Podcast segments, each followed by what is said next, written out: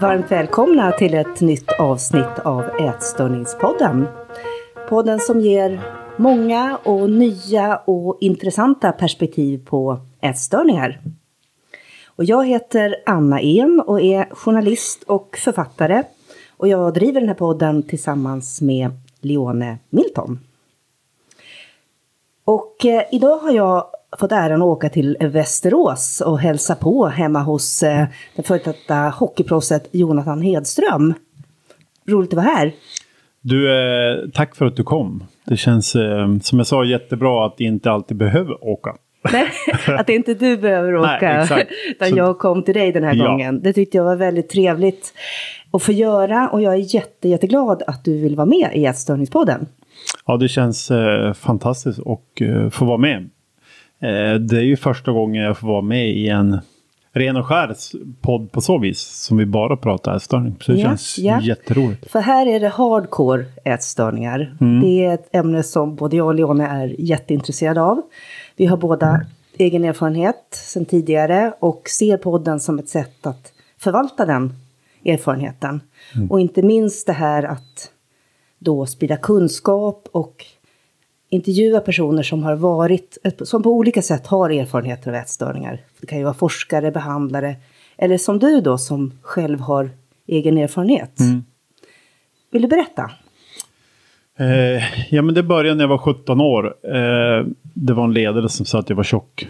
Eh, återigen som idrotten, eh, allt man har och allt man Alltså egentligen all tid man la ner på skolan tyvärr var ju sekundär. För du tränade då hockey? Jag spelade ishockey, absolut. Jag hade slutat med fotbollen när jag var 15. Så det var hockey all inclusive då.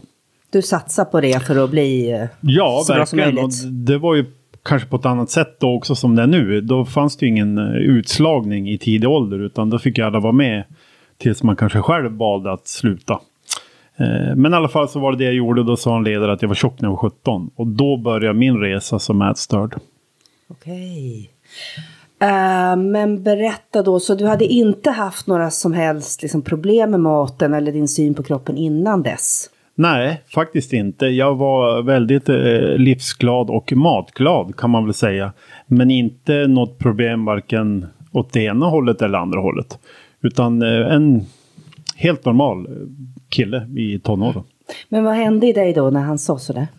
Eh, det jag har förstått sen är ju självklart min självbild. Alltså min självkänsla har ju alltid varit låg. Och då var det någonstans som att just att han sa att jag var tjock. Eh, och då började jag kontrollera maten, framförallt hemma hos morsan. Eh, som jag bott med, ja, ensamstående hon ju var det. Och började ta bort det jag gillar framförallt. Eh, och i mitt fall blev det mycket kolhydrater. Eh, allt från makaroner till potatis till bröd, eh, allt sånt där. Eh. Förlåt, jag, jag dröjer mig kvar vid det här att han sa så där och vad det betydde för dig. För då, då när han sa så, kände du då, ja men fan, han har rätt? Eller vad?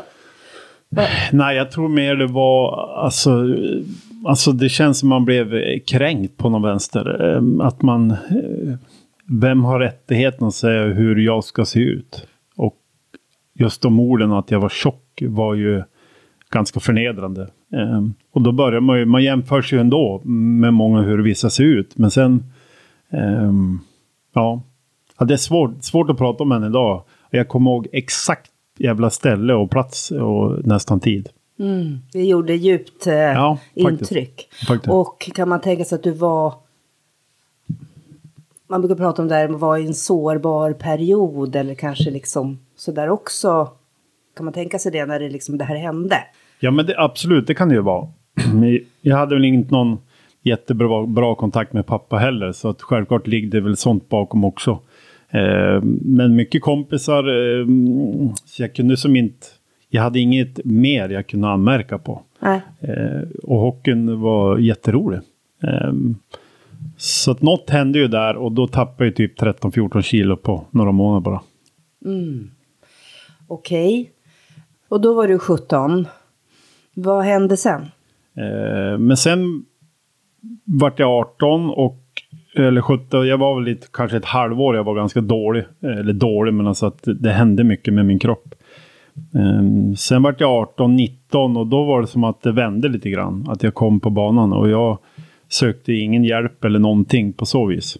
Um, och hela tiden den här satsningen på hockey ja, parallellt. Absolut. Sen blev jag draftad under den här tiden av Toronto, Maple Leafs. Och då eh, så fick man ju en boost av det också självklart. Um, sen så gick min kurva rakt upp och jag mådde väldigt bra tills jag var 26 ungefär. Okej. Okay. Och då under de åren där då, 18 till 26, då hade du en liksom, aktiv proffskarriär? Ja, exakt. Jag eh, skrev ju mitt första proffskontrakt i Luleå när jag var 21. Eh, spelade ju tre år i Luleå. Sen var jag ett år i USA och ett år i Djurgården. Och sen åkte jag över till NHL. Eh, 04-05. Ja, åren 03-04. Eh, och då var jag 26 år. Eh, och det var ju då egentligen min karriär for åt spikrakt åt HV-tet. För vad hände? Ja, men då var det ju straffning. När man kom över till USA så är man rookie som det heter. Då var jag där andra gången, men eh, skulle ju få spela där uppe i NHL då, som det heter. Eh, problemet var då att man blev straffad hela tiden. Eh, Vad betyder det? Ja, jag fick åka inför alla, eh, hela laget, för att jag hade gått upp ett kilo. Vi hade ju invägning varje måndag. Och det var ju någonstans för att sätta dit oss unga. Aha, för att fostra er eller för att ja. rusta er eller vad, vad som kultur liksom? Ja, det är kulturen man... och den är ju snedvriden något fruktansvärt ja. på många sätt. Ehm, och då återigen min självbild. Självförtroende hade jag ju i hockeyn, men just det där att man blir kränkt igen inför hela gruppen. Och det enda jag kunde ha kontroll över då var ju maten. Och träningen, självklart. Så då tappade jag igen 17 kilo på två och en halv månad. Eh, men då var det ingen som sa någonting. Då sa de att jag var i bra form. Och som ätstörd är ju det fantastiskt att höra. Tyvärr. Mm. Så då flammade ätstörningen upp igen kan man säga. Den, den hade legat där egentligen kanske alltså obehandlad eller vad man ska säga från det du var 17. Mm. Eh, och då, då slog den ut? Ja, då slår den ju ut full. Eh, och framförallt tror jag när man är i ett annat land sådär, man är inte samma trygghet på samma vis. Och eh, allt handlar ju om prestation. Och när man då tappar så mycket vikt som jag gjorde så blev ju prestationen sämre också. Och då blev det så här, vad fan är det med det? Eh, ja, det var, man var kallad det ena och det andra av tränarna, att vad är det för fel på det? Men återigen så här, vart är det med mänskligheten? De vet ju att jag är en bra hockeyspelare. Istället för att så hjälpa en så skärp dem igen. Tyvärr. Det var ingen som nämnde ordet ätstörningar eller reagerade på det? Aldrig. Nej, nej, nej. Det var, du måste söka psykolog. Vad är det? Du har något fel i huvudet. Det var det. Samtidigt så vet man ju innerst inne också vart problemet är. Men det är också svårt att säga någonting. Just det. Mm, för hur agerade du? Eh, nej, men jag blev ju väldigt eh, trasig. Är du med? Sluta äta. Träna extremt mycket. Alltså, vi spelade ändå tre matcher i veckan. Flög hela USA cykla extremt mycket så jag tappar i stort sett alla muskler. Eh, och då blir det svårt också att spela hockey när man ska eh, tacklas. Ja, visst. Eh, och sen framförallt det mentala. Det är ju det som... Alltså kärleken i sporten har man alltid haft. Men när man känner så här, det, alltså den börda att gå på träningen. Och extremt prestationsångest.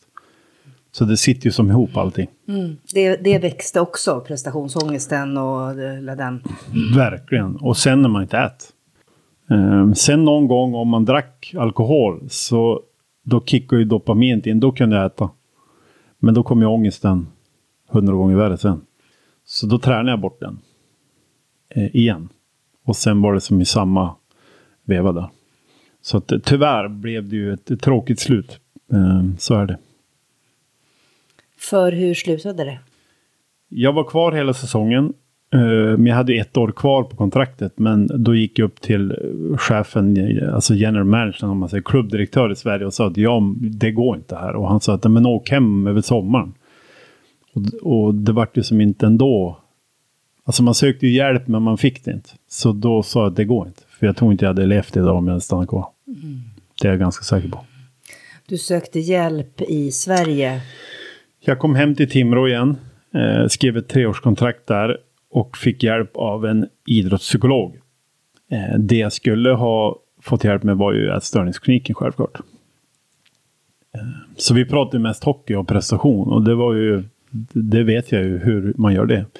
Så det blev ju egentligen bakut, jag brydde mig egentligen inte. Så den eh, idrottspsykologen försökte mera få dig tillbaka liksom i rinken och bli framgångsrik spelare igen? Ni tog inte tag i själva ätstörningen? Nej, vi pratade inte en sekund om det. Det låg inte på bordet överhuvudtaget? Det var bara prestation. Du vet, spela enklare år. Jag, men, jag ska inte svära, men då vet jag hur man spelar enklare. Men det är svårt också när man är sjuk och du vet den här machokulturen som är inom hockeyn. Man ska inte visa svag. Och media är på en, vad är det för fel? Och man säger så här, ja. De förstod ju. Men de kan ju inte skriva något så länge inte jag säger något. Så att då håller man käften istället. Jag såg ju ett, eh, du är ju med i den här eh, dokumentären på SVT som heter Ätstört. Mm.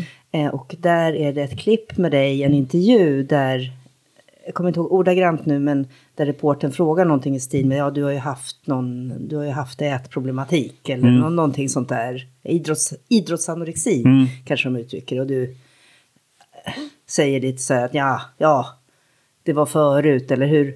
Mm. Kommer du ihåg det klippet? Ja, absolut. Ehm, och jag fick ju frågan många gånger, självklart. För de såg ju hur, hur smal jag hade blivit. Ehm, men man blir ju extremt bra på att dölja och manipulera också. Man blir ju bra på att ljuga och ja, det tror jag inte spelar någon roll om det är ätstörd eller om, om du är alkoholist. Och du svarar ju kanske det som du tänkte att det förväntades att du skulle svara. Men det är ju kanske ingen då i den de vill väl höra, tänker jag alla, att ja men det där ligger bakom mig. Mm. Det är inte nu längre. Utan... Exakt. Nej men så är det. Man, det är ju så man säger. Att man är frisk. Eh, men det var jag ju inte. Tyvärr. Du nämnde det här med machokulturen inom hockeyvärlden och kanske bredare än så, tänker mm. jag. Och, för det är ju inte så många män som pratar om sina ätstörningar. Eh, och det, det, tycker jag det är fantastiskt modigt och jättebra att du gör. Mm. För det är ju ändå, alltså man kan ju säga att det är upp till 20 procent män som har en ätstörning. Men att det är så väldigt få som söker hjälp och att det är mycket mer tabubelagt. Mm. Så hur, hur tänker du kring det här med machokulturen och maskulinitet och ideal och tyst och liksom hyllandet av den tyste starke mannen eller mm. ja, nu, nu blev det en väldigt vid och bred fråga men det här tycker jag är ett väldigt intressant fält. Ja, det här kan vi prata om i flera år. Ja. Men jag kan börja så här, jag kom från hockeyn och hållit på i, i hela mitt liv. Eh, och är en fantastisk sport. Eh, älskar den mest av allt. Men problemet vi har är kulturen. Och som du säger, machokulturen. Eh, det är okej okay att vara tuff på isen och då är det match. Alltså så är det ju. Och det är ju en sport som ska vara så tycker jag. Men sen problemet vi har utanför. Att man inte ska få visa känslor. Eh, man kan inte säga att man mår dåligt. Utan det är ju bita ihop man ska göra. Men vi är ju bara trots allt människor. För när vi kommer hem då kanske som jag två döttrar, eh, en fru eller då kan man inte vara någon jävla macho snubbe. Men direkt som vi kom ut på stan eller vart vi än är så ska man vara den här figuren man egentligen inte är. Och det är det här problemet blir. Så att eh, det är väl på väg att ändras tycker jag, men det är en lång bit kvar för kulturen. Det tar tid att ändra en hel kultur. Och det är det jag försöker säga när jag föreläser att det är inte hockeyn i sig jag pratar illa om utan det är kulturen. Ehm, och det måste ledare förstå. Och det är så mycket rädsla involverat i det här för att de, de är rädda för sitt jobb och sina yttre skal som de har gått och burit på. Men jag känner ju många och har spelat med många och vet ju också att vad de säger till mig när inte kameran rullar om man säger så. Men ingen vågar säga något utåt. Det är det som jag tycker är tråkigt som fan. Mm. Hur, kan, hur kan det förändras då tror du? Ja, det är att fler vågar vara öppna och prata om, återigen, det kan förr var det mycket inkilningar som har satt många trauman för många. Vad är det för någonting? Men det är när man är nytt lag så är det som en ritual att man ska som inkila den nya killen eller killarna Eh, och förr i tiden var det rakning överallt, hela kroppen. Mest förnedrande saker. Eh, du kunde få gå in i bastun och, och trycka en kvarting och, innan du gick ut. Du fick inte komma ut innan du druckit upp. Och det blir som så här, jag har också varit med om det här. Och jag har också varit en av dem som har pushat på. Men jag visste inte bättre heller. Men idag vet jag bättre och vet hur mycket det skadar folk. Och det är inte okej. Okay. Mm. Så där måste det bli en förändring också. Nu vet jag att det har blivit en jättestor förändring. Eh, men man kan alltid göra mer. Och jag tror historier finns ju att berätta och det handlar inte om att hänga ut folk. Alltså det som inte det handlar om utan det är mer att så här, våga vara lite sårbar. Vi är bara människor. Och jag tror att fans, sponsorer, alla skulle må bättre av det. Alltså det är, det är fine att visa känslor utanför också. Man får faktiskt gråta som kille också. Men det är svårt. Eh, det är den här klassiska killkramen, du vet slå.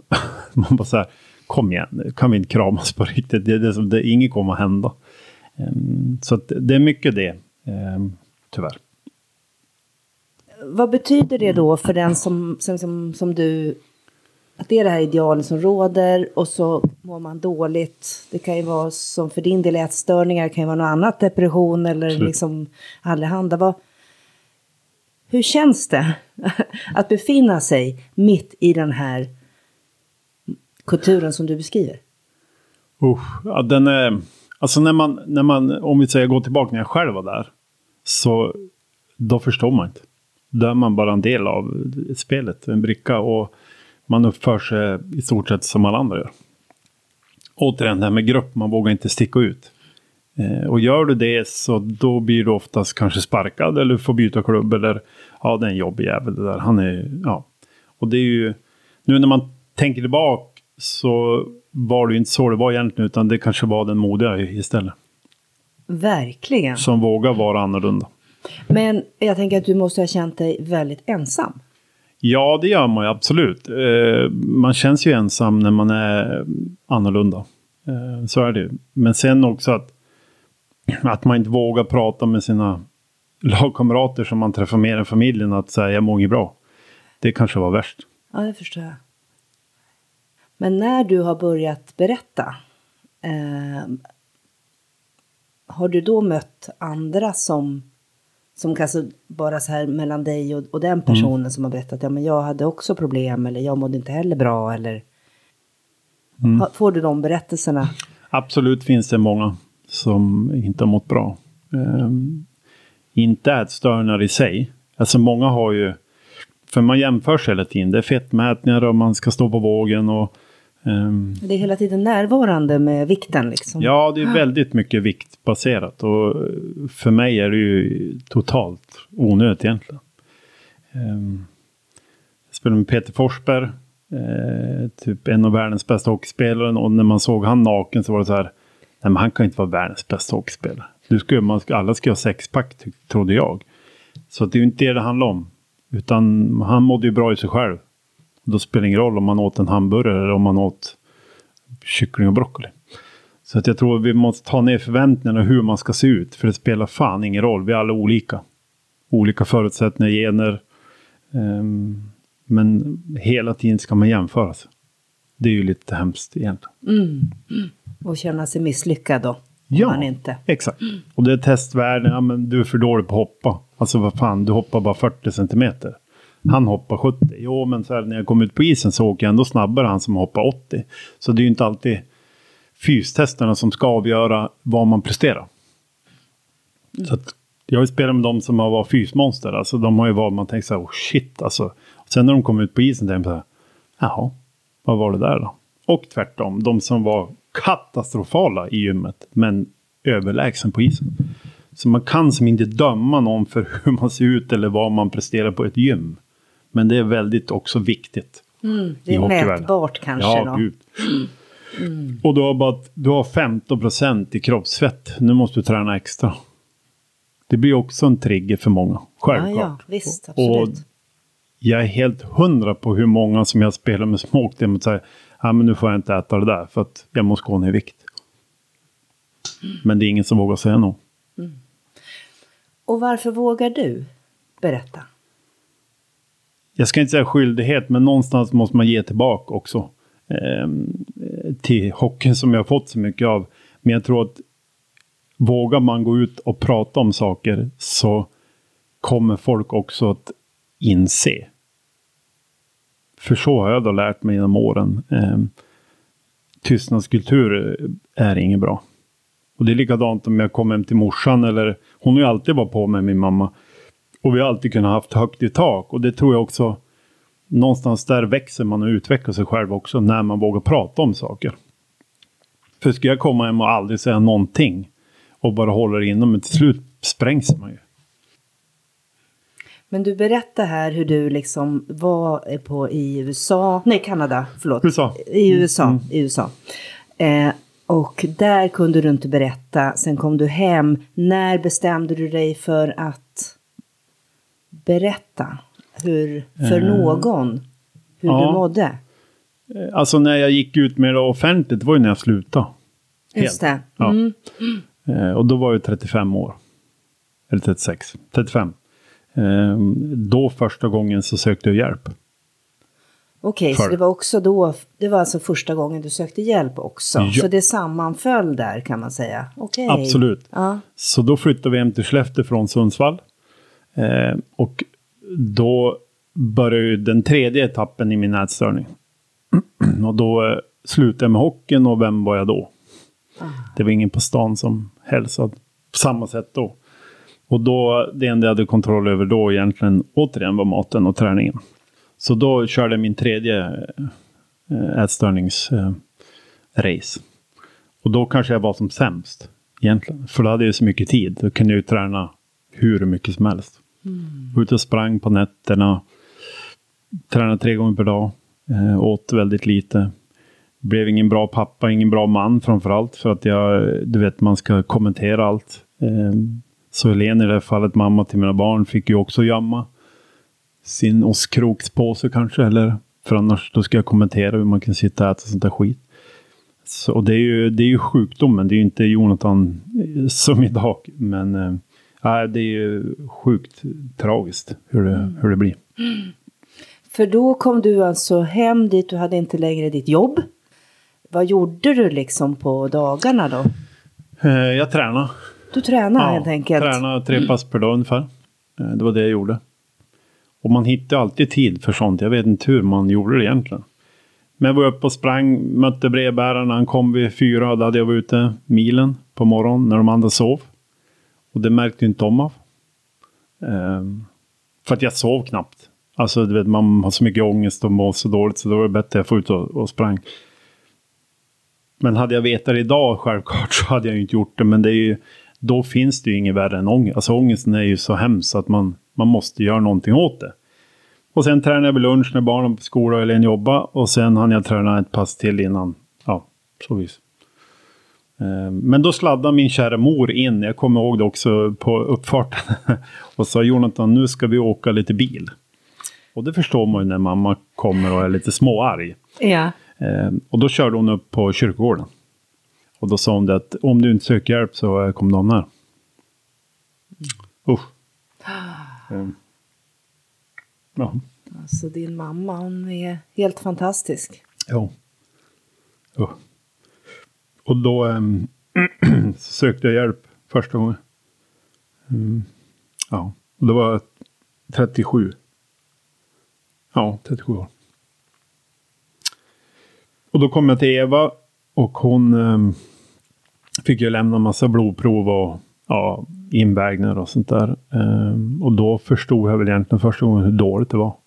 Alla värden och var ju katastrofala. Um, så då började min resa tillbaka. Ja. Chip shop. Men det, ja, det är en lång resa med mycket um, ångest framförallt. Kan man säga så? Ångesten har ju varit vidare. Många gånger.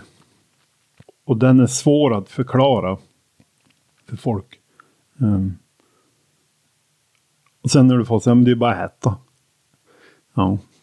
Eh, Eva sa det faktiskt en gång att jag behandlar hellre schizofreni än ätstörning. Alltså det, det, det är svårt.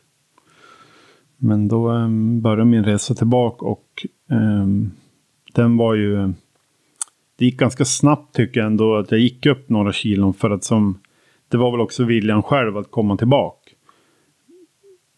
Men Eva var ju... De är ju stenhårda, det kommer jag ihåg. De, det var, hon slog mig på fingrarna varje gång. För jag försökte också manipulera henne, men det går ju inte. Och det var någonstans där jag släppte skölden. Ja. Och på den vägen var det. Sen så kom jag tillbaka tycker jag ganska snabbt. Men jag, har ju, det var ju, jag höll ju på i fem år med henne ungefär. Du träffade henne i fem år? Ja, alltså från och till. Sen har jag haft bra kontakt med hon, även privat kan man säga så. Men eh, jag gick två år på ätstörningskliniken. Eller ja, ett och ett halvt. Sen hade jag ju sporadisk kontakt med hon självklart. Men eh, ja. Kan du säga något mer om de fem åren det här svåra, eh, de första svåra stegen att bli frisk? Men först är det att man må försöka acceptera sin kropp. Alltså hur man ser ut. Eh, och det vart ju att ta bort vågen.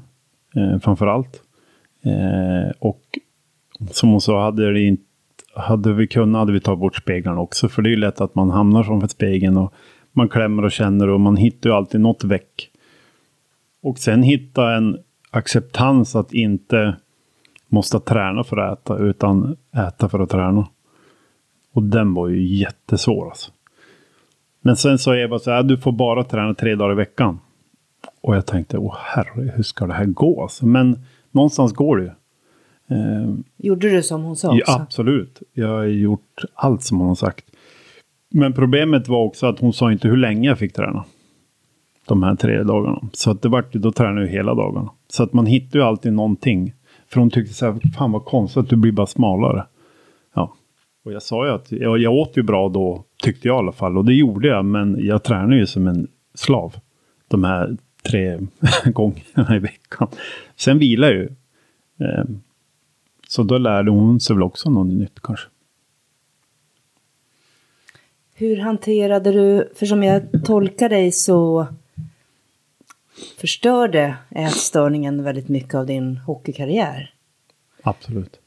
Kom det tillbaka liksom känslor av sorg och bitterhet över det under den här perioden, eller hur? Ja, så gör det. Det är ju... Eh, samtidigt har jag valt också att se de positiva åren. För att jag tror så här någonstans, ska du hålla på och kolla tillbaks så kommer man aldrig att bli frisk heller. Eh, och må bra. Jag har försökt utbilda mig mycket eh, under de här åren också sökt. Och det är mycket trauma, jag har förstått, eh, från barndomen. Men också har man ett val själv. För att jag kommer aldrig att gå framåt om jag spelar offer. Aldrig i hela mitt liv. Så det har jag också valt att så här, vara, försöka vara här och nu. Och det är allt från kost, andningsövningar, tacksamhet framför allt. Eh, kosten vill jag inte vara så mycket och bråka i. Eh, för det är lätt att det triggar och då chipchoppar jag tappa 4-5 kilo utan att jag märkt det. Så det försöker jag hålla mig undan utan jag äter som, som vanligt. Och tränar du idag? Jag För... tränar, men jag är sund i min träning. Jag um, över jul så, eller senast här var jag vila fyra dagar, har väl aldrig hänt i hela mitt liv. Men jag har inte ångest för det. Och det är det som är fantastiskt. Eh, sen tycker jag om att träna för att, ja, att jag mår bra av det, men det är inte den här hetsen som det var förr.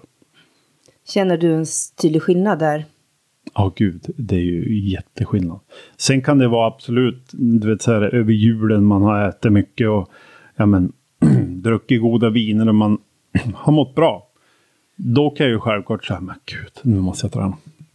Men återigen, varför? Det är inte så att jag ställer mig på ett löpband och springer. Som jag gjorde förr. Utan nu kan jag gå ut och ta en promenad och eh, vara nöjd med det. Mm. Eh, ser, ser du på dig själv som frisk nu? Ja, men det tycker jag. Ja, det tycker jag.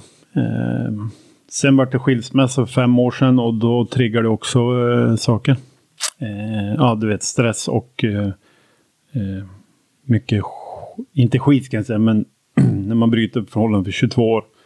så blir det mycket mm, eh, sånt som händer. Och då blir det lätt att fly. Och när jag flyr så slutar jag äta. Så det är ganska coolt nu när man förstår också. Om jag slutar äta då får jag stanna upp och säga vad, vad flyr jag från nu? Och då kan det vara ja, något som är jobbigt framför allt.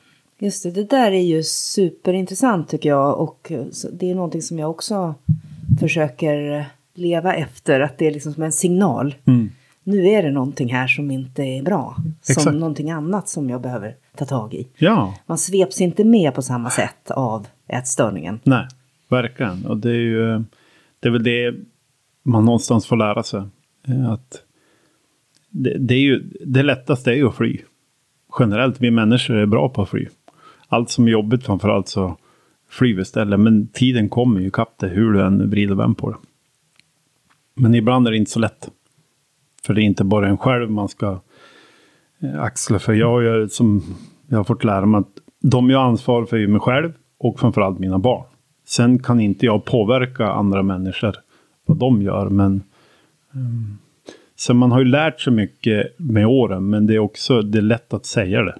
Men det är svårt att leva det. Exakt, så är det. Verkligen. tror, eh, ja. Du berättade här när vi, eh, innan vi började om hur eh, ni hade varit tvungna att ta bort er hund. ja, Eh, vilket ju låter hemskt sorgligt. Eh, Och att det kändes som att en potentiell trigger.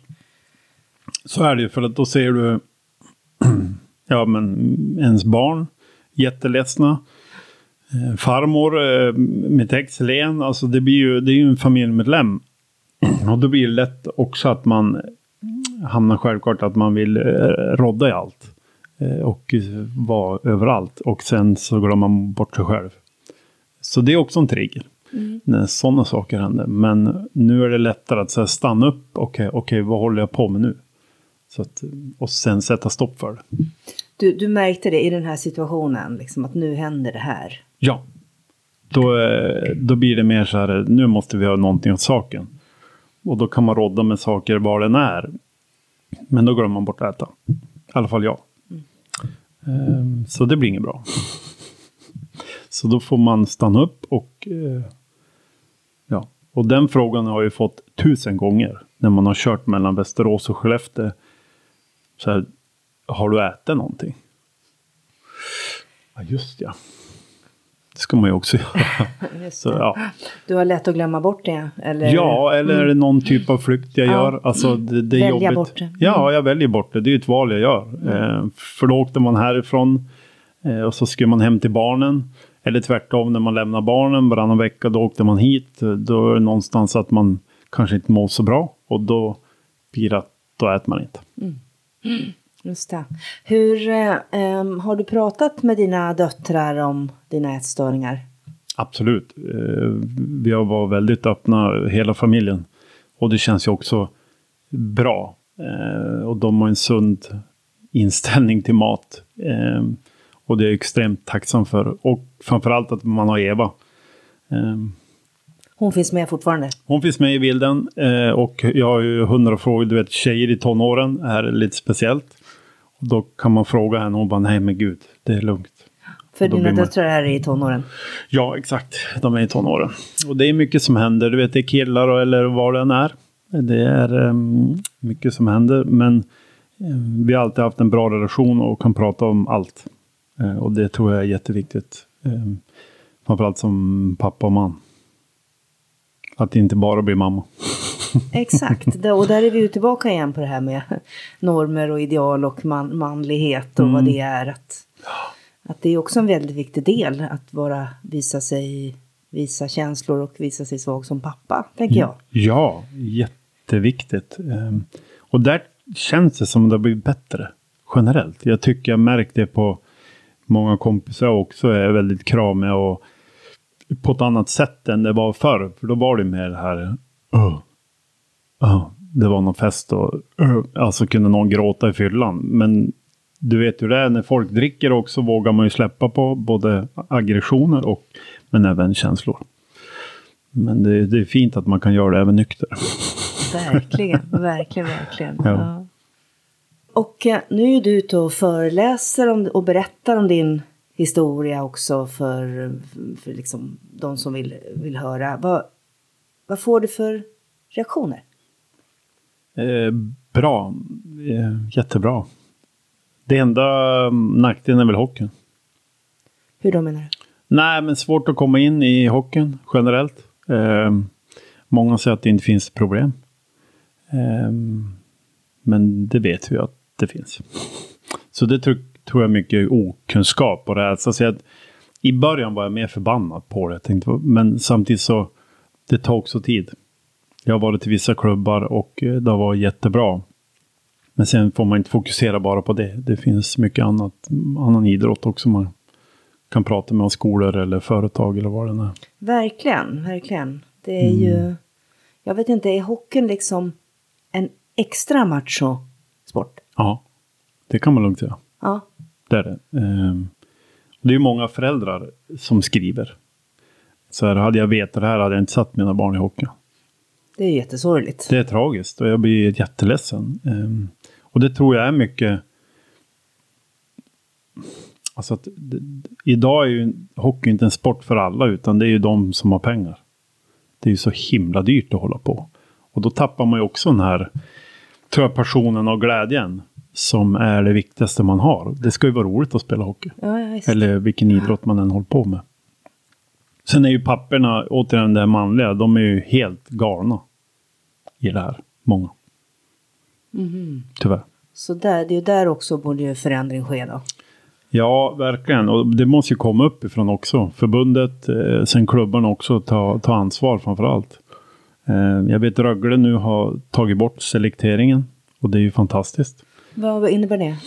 Ja, men oftast när du är 15 års ålder så gör man en selektering. Alltså man eh, får veta om du är bra nog eller inte. Mm. Så när de börjar ta ja, men U16 Elit eller som det kallas, ungdom 16. Och då kommer också TV-pucken in eh, som är en stor del av eh, världen för, för hockeyfolk. Eh, så många tyvärr slutar idag när de inte kommer med i TV-pucken. Och det är ju det som är så hemskt.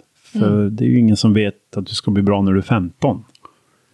Men det är ju oftast de som är pådrivna föräldrar som åker på camper och de ligger lite steg före. Men alla kanske inte har råd med det. Och då blir du bortplockad. Just det. Mm. Så det är mm. inte så schysst. Nej. Tycker jag. Men eh, förhoppningsvis kanske det också blir en förändring. Mm. Ser du någon tendens till förändring vad det gäller det här med psykisk ohälsa och den diskussionen? Ja, det tycker jag. Um, det har blivit stor skillnad. Um, eller det vet jag inte. För när man träffar gamla spelare, många kompisar som säger så här. Fan vilket jobb du gör. Men säg inte att jag har sagt något. Då vet man ju någonstans att förändring är på gång. För självklart är det många av dem som har söner och de håller på. De skulle ju aldrig göra likadant som de har blivit behandlade. Det finns inte en möjlighet. Så jag tror det är på vägen för bättre. Mm. Så det är bra. Så här under, nu då under de senaste åren, du har föreläst, men du har också, visst är det så att du har också liksom, kommit i kontakt med andra och liksom väldigt konkret hjälpt, eller hur? Mm. Stöttat?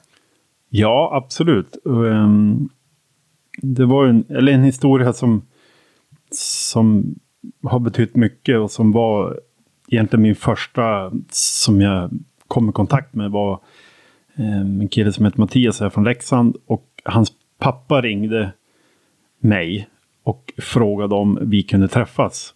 Eh, och då skulle vi till Sundsvall och spela match. En sån här välgör, välgörenhetsmatch. Och eh, pappa Per då kommer och vi ska träffas på ett café i Sundsvall. Och när då Mattias kliver ur bilen. Så hade han ju sagt, ja men han är lite, har lite problem med maten. Men alltså han var ju typ döende. Mm. Nästan. Och morsan var ju med då så att det var ju bra att Per då, pappan fick också träffa min mamma. Så att de fick diskutera lite där. Men sen på vägen hem till Skellefteå igen så sa morsan så här. Alltså han måste in nu. Det här går inte.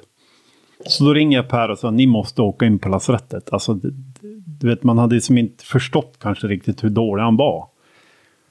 Eh, och då åkte de in på Falu, eh, Falun lasarett. Han blev inlagd på hjärtintensiven i tre månader.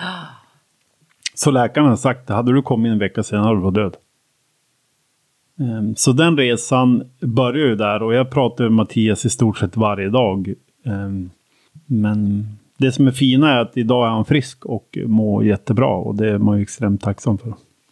Underbart. Ja. Och du var liksom med honom då efter de här månaderna på sjukhuset. Han kom ut och, han, och efter det hade ni fortsatt kontakt. Ja, absolut. De var hit och hälsade på och ehm, under tiden har vi haft kontakt. Ehm, inte lika mycket idag självklart. Idag går det kanske någon månad men man hörs i alla fall. Ehm, men det känns ju, det känns ju fint att, att kunna hjälpa till på så vis. Absolut. Och vad otroligt eh, bra att den här pappan tog kontakt med dig. Ja. Och var alltså fullständigt livsavgörande. Ja, och fan hör av er. Alltså Ja. även om inte jag kanske kan. Men man har då erfarenhet i alla fall. Sök hjälp för tusan. Precis, du kan ju säga det. Verkligen så här. Så det, du måste söka hjälp. För att det kan ju vara, tänker jag, så när det är en så dold sjukdom på många sätt. Särskilt då bland pojkar och, Ja. och män. Så att få höra det från dig tror jag kan vara alltså, jätte, jätteviktigt. Ja, jag tror det någonstans att... Och, om, just den här igen, igenkänningsfaktorn, tror jag det heter. Eh, om jag hade fått träffa någon hockeykille, spelar roll om man spelar division 1 eller det har inte med det att göra, men som man kanske hade fått hjälp av, så tror jag att jag också hade blivit frisk snabbare. Det, det har större påverkan än vad man tror. Att känna igen sig någonstans i någon annan. Som vet också hur man känner. Jo, men alltså herregud så här. Jonathan som har varit proffs. Eh, och superbra hockeyspelare. Eh, han har också varit sjuk. Att det är helt okej. Det Ja. är ju liksom den känslan man Exakt. har då. Att det, det kan drabba vem som helst. Ja, verkligen. Och det är ju, ehm, det är ju ehm, en jäkla svår sjukdom. Alltså. Men det går att bli frisk. Det är väl det som är det viktiga. Vi ska snart avsluta. Mm. Jag har en sista fråga. Men jag tänker, är det någonting mer som du tänker på som vi skulle ta upp? Ja, alltså. Alltså jag får ju många frågor att det är för sent som förälder. Alltså många så här. Gud varför har jag inte sett det här? Och så skambelägger du dig själv. Men det får man inte göra heller. För att man. När man blir sjuk. Eh, I det här fallet som jag hade anorexia. Eller om det är bulimi. Det, man blir extremt bra på ljuga och dölja framför allt. Det är inte så lätt för när du ser ett barn varje dag. Det är annars om du väntar två veckor. Men när du ser det varje dag ser man inte förändringen så där snabbt som det egentligen går. Ehm, Men ett råd jag har och som tror jag är otroligt viktigt, att, att man är tillsammans. Med sina barn? Ja, Ja. som familj. Även Ja. om du är mamma eller pappa. Eller, men att inte så här, ja men jag går in på rummet och äter. Bara där så skulle jag bli så här, hmm, vad är det som händer nu? Ja. Ehm, För sitter man och äter med varandra, jag tror det är en jätteviktig grej. Och det handlar inte om att ha koll och kontroll, utan det är mer så här att eh, man märker om man har, du börjar peta i maten och ta bort massa saker. Just det. Och det blir också en, ett tillfälle kanske. Även om det ju, kan ju bli en väldigt laddad situation ju- just runt måltiden och om det finns ett problem. Men, men innan det har kommit dit hän så att säga så kan det ju ändå vara kanske en, möjlighet. Dels att upptäcka som du säger men kanske också att ja, men, prata om, om allt möjligt. Alltså bygga Verkligen. relation. Ja, exakt. Så. Det tror jag är jätteviktigt. För det, de bästa samtalen har man oftast vid middagsbordet. Det brukade jag och tjejerna ha. Eller vilka vi nu är, morsan eller... eller det spelar ingen roll vilka vi är, men det är ju då man oftast... De får sin chans att berätta vad som hänt under dagen eller vad, vad det kan vara. Så det tror jag är jätteviktigt. Vad skulle du önska? Det tycker jag var ett jättebra råd. eh, Och också det du sa där att lyfta liksom skulden från föräldrarnas eh, axlar. För de behövs ju verkligen som stöd. Verkligen. Eh, verkligen. Och är ju, ju mer egen kraft och energi de har desto bättre. Och skuld är ju som bekant någonting som man mår väldigt dåligt av och tappar mycket energi av. verkligen. Men ehm, så det tycker jag var ett jättebra råd. Om du fick ge något råd så här till idrottsledare, återigen en stor fråga, men liksom våga vara närvarande. Alltså att se barnen framför allt. Ehm, för idag är de oftast inte inne i omklädningsrummen. Jag kommer ihåg när, när jag växte upp var alltid ledare i omklädningsrummet. Och allt skit händer när ledarna försvinner. Mobbing, eh, vad den är. Eh, så jag tror att vara mer närvarande, och då handlar det inte om isen, men utanför. Utanför. För jag tror som ledare idag inom idrott, det är oftast där du ser vad som egentligen händer och sker. Hur folk mår. Eh, för föräldrar lämnar över sitt barn oftast till tränarna eller vilka det är. Eh, och är ledare uppmärksamma så tror jag man kan rädda många på, på vägen. Mm. Ja, det där är ju jätteviktigt och också tänker här att tränaren är ju så viktig Mm. person och det vittnar ju inte minst din berättelse om att Mm. den här tränaren sa det här till dig en gång i tiden och att det blir ord som verkligen träffar rätt i hjärtat. Verkligen. Så. Ja, och mm, det är svinviktigt. Och, um, någon dag önskar jag också att man fick bli ledare, men det handlar inte alltid om eh, fan prestation. Utan idrott ska ju vara skoj och man ska må bra. Sen, ungdomar tävlar ju ändå, det kommer man alltid göra. Det är om det är på skolan eller var det än är. Men ta bort det lite från deras axlar. Ha roligt för tusan. Mm. Det kommer. Det kommer det andra också. Med det. Men har man glädje så, och passion så når man eh, långt. Bra, men då, då undrar jag bara så här. Jag, jag, jag känner ju alltså väldigt starkt för din mamma. Mm. Eh, och har ju förstått att hon har verkligen kämpat Mm. för dig. Och för Absolut. att se, och det måste ju varit svårt när du var på andra sidan Atlanten och så vidare. Men vad, hur tänker du idag på det här hon gjorde för dig när hon kom där och körde upp dig till kyrkogården? Hur ser du på det idag? Eh, nej, alltså då... Ja, alltså det är fantastiskt. Utan henne heller hade jag inte heller varit där jag var idag. På många sätt och vis.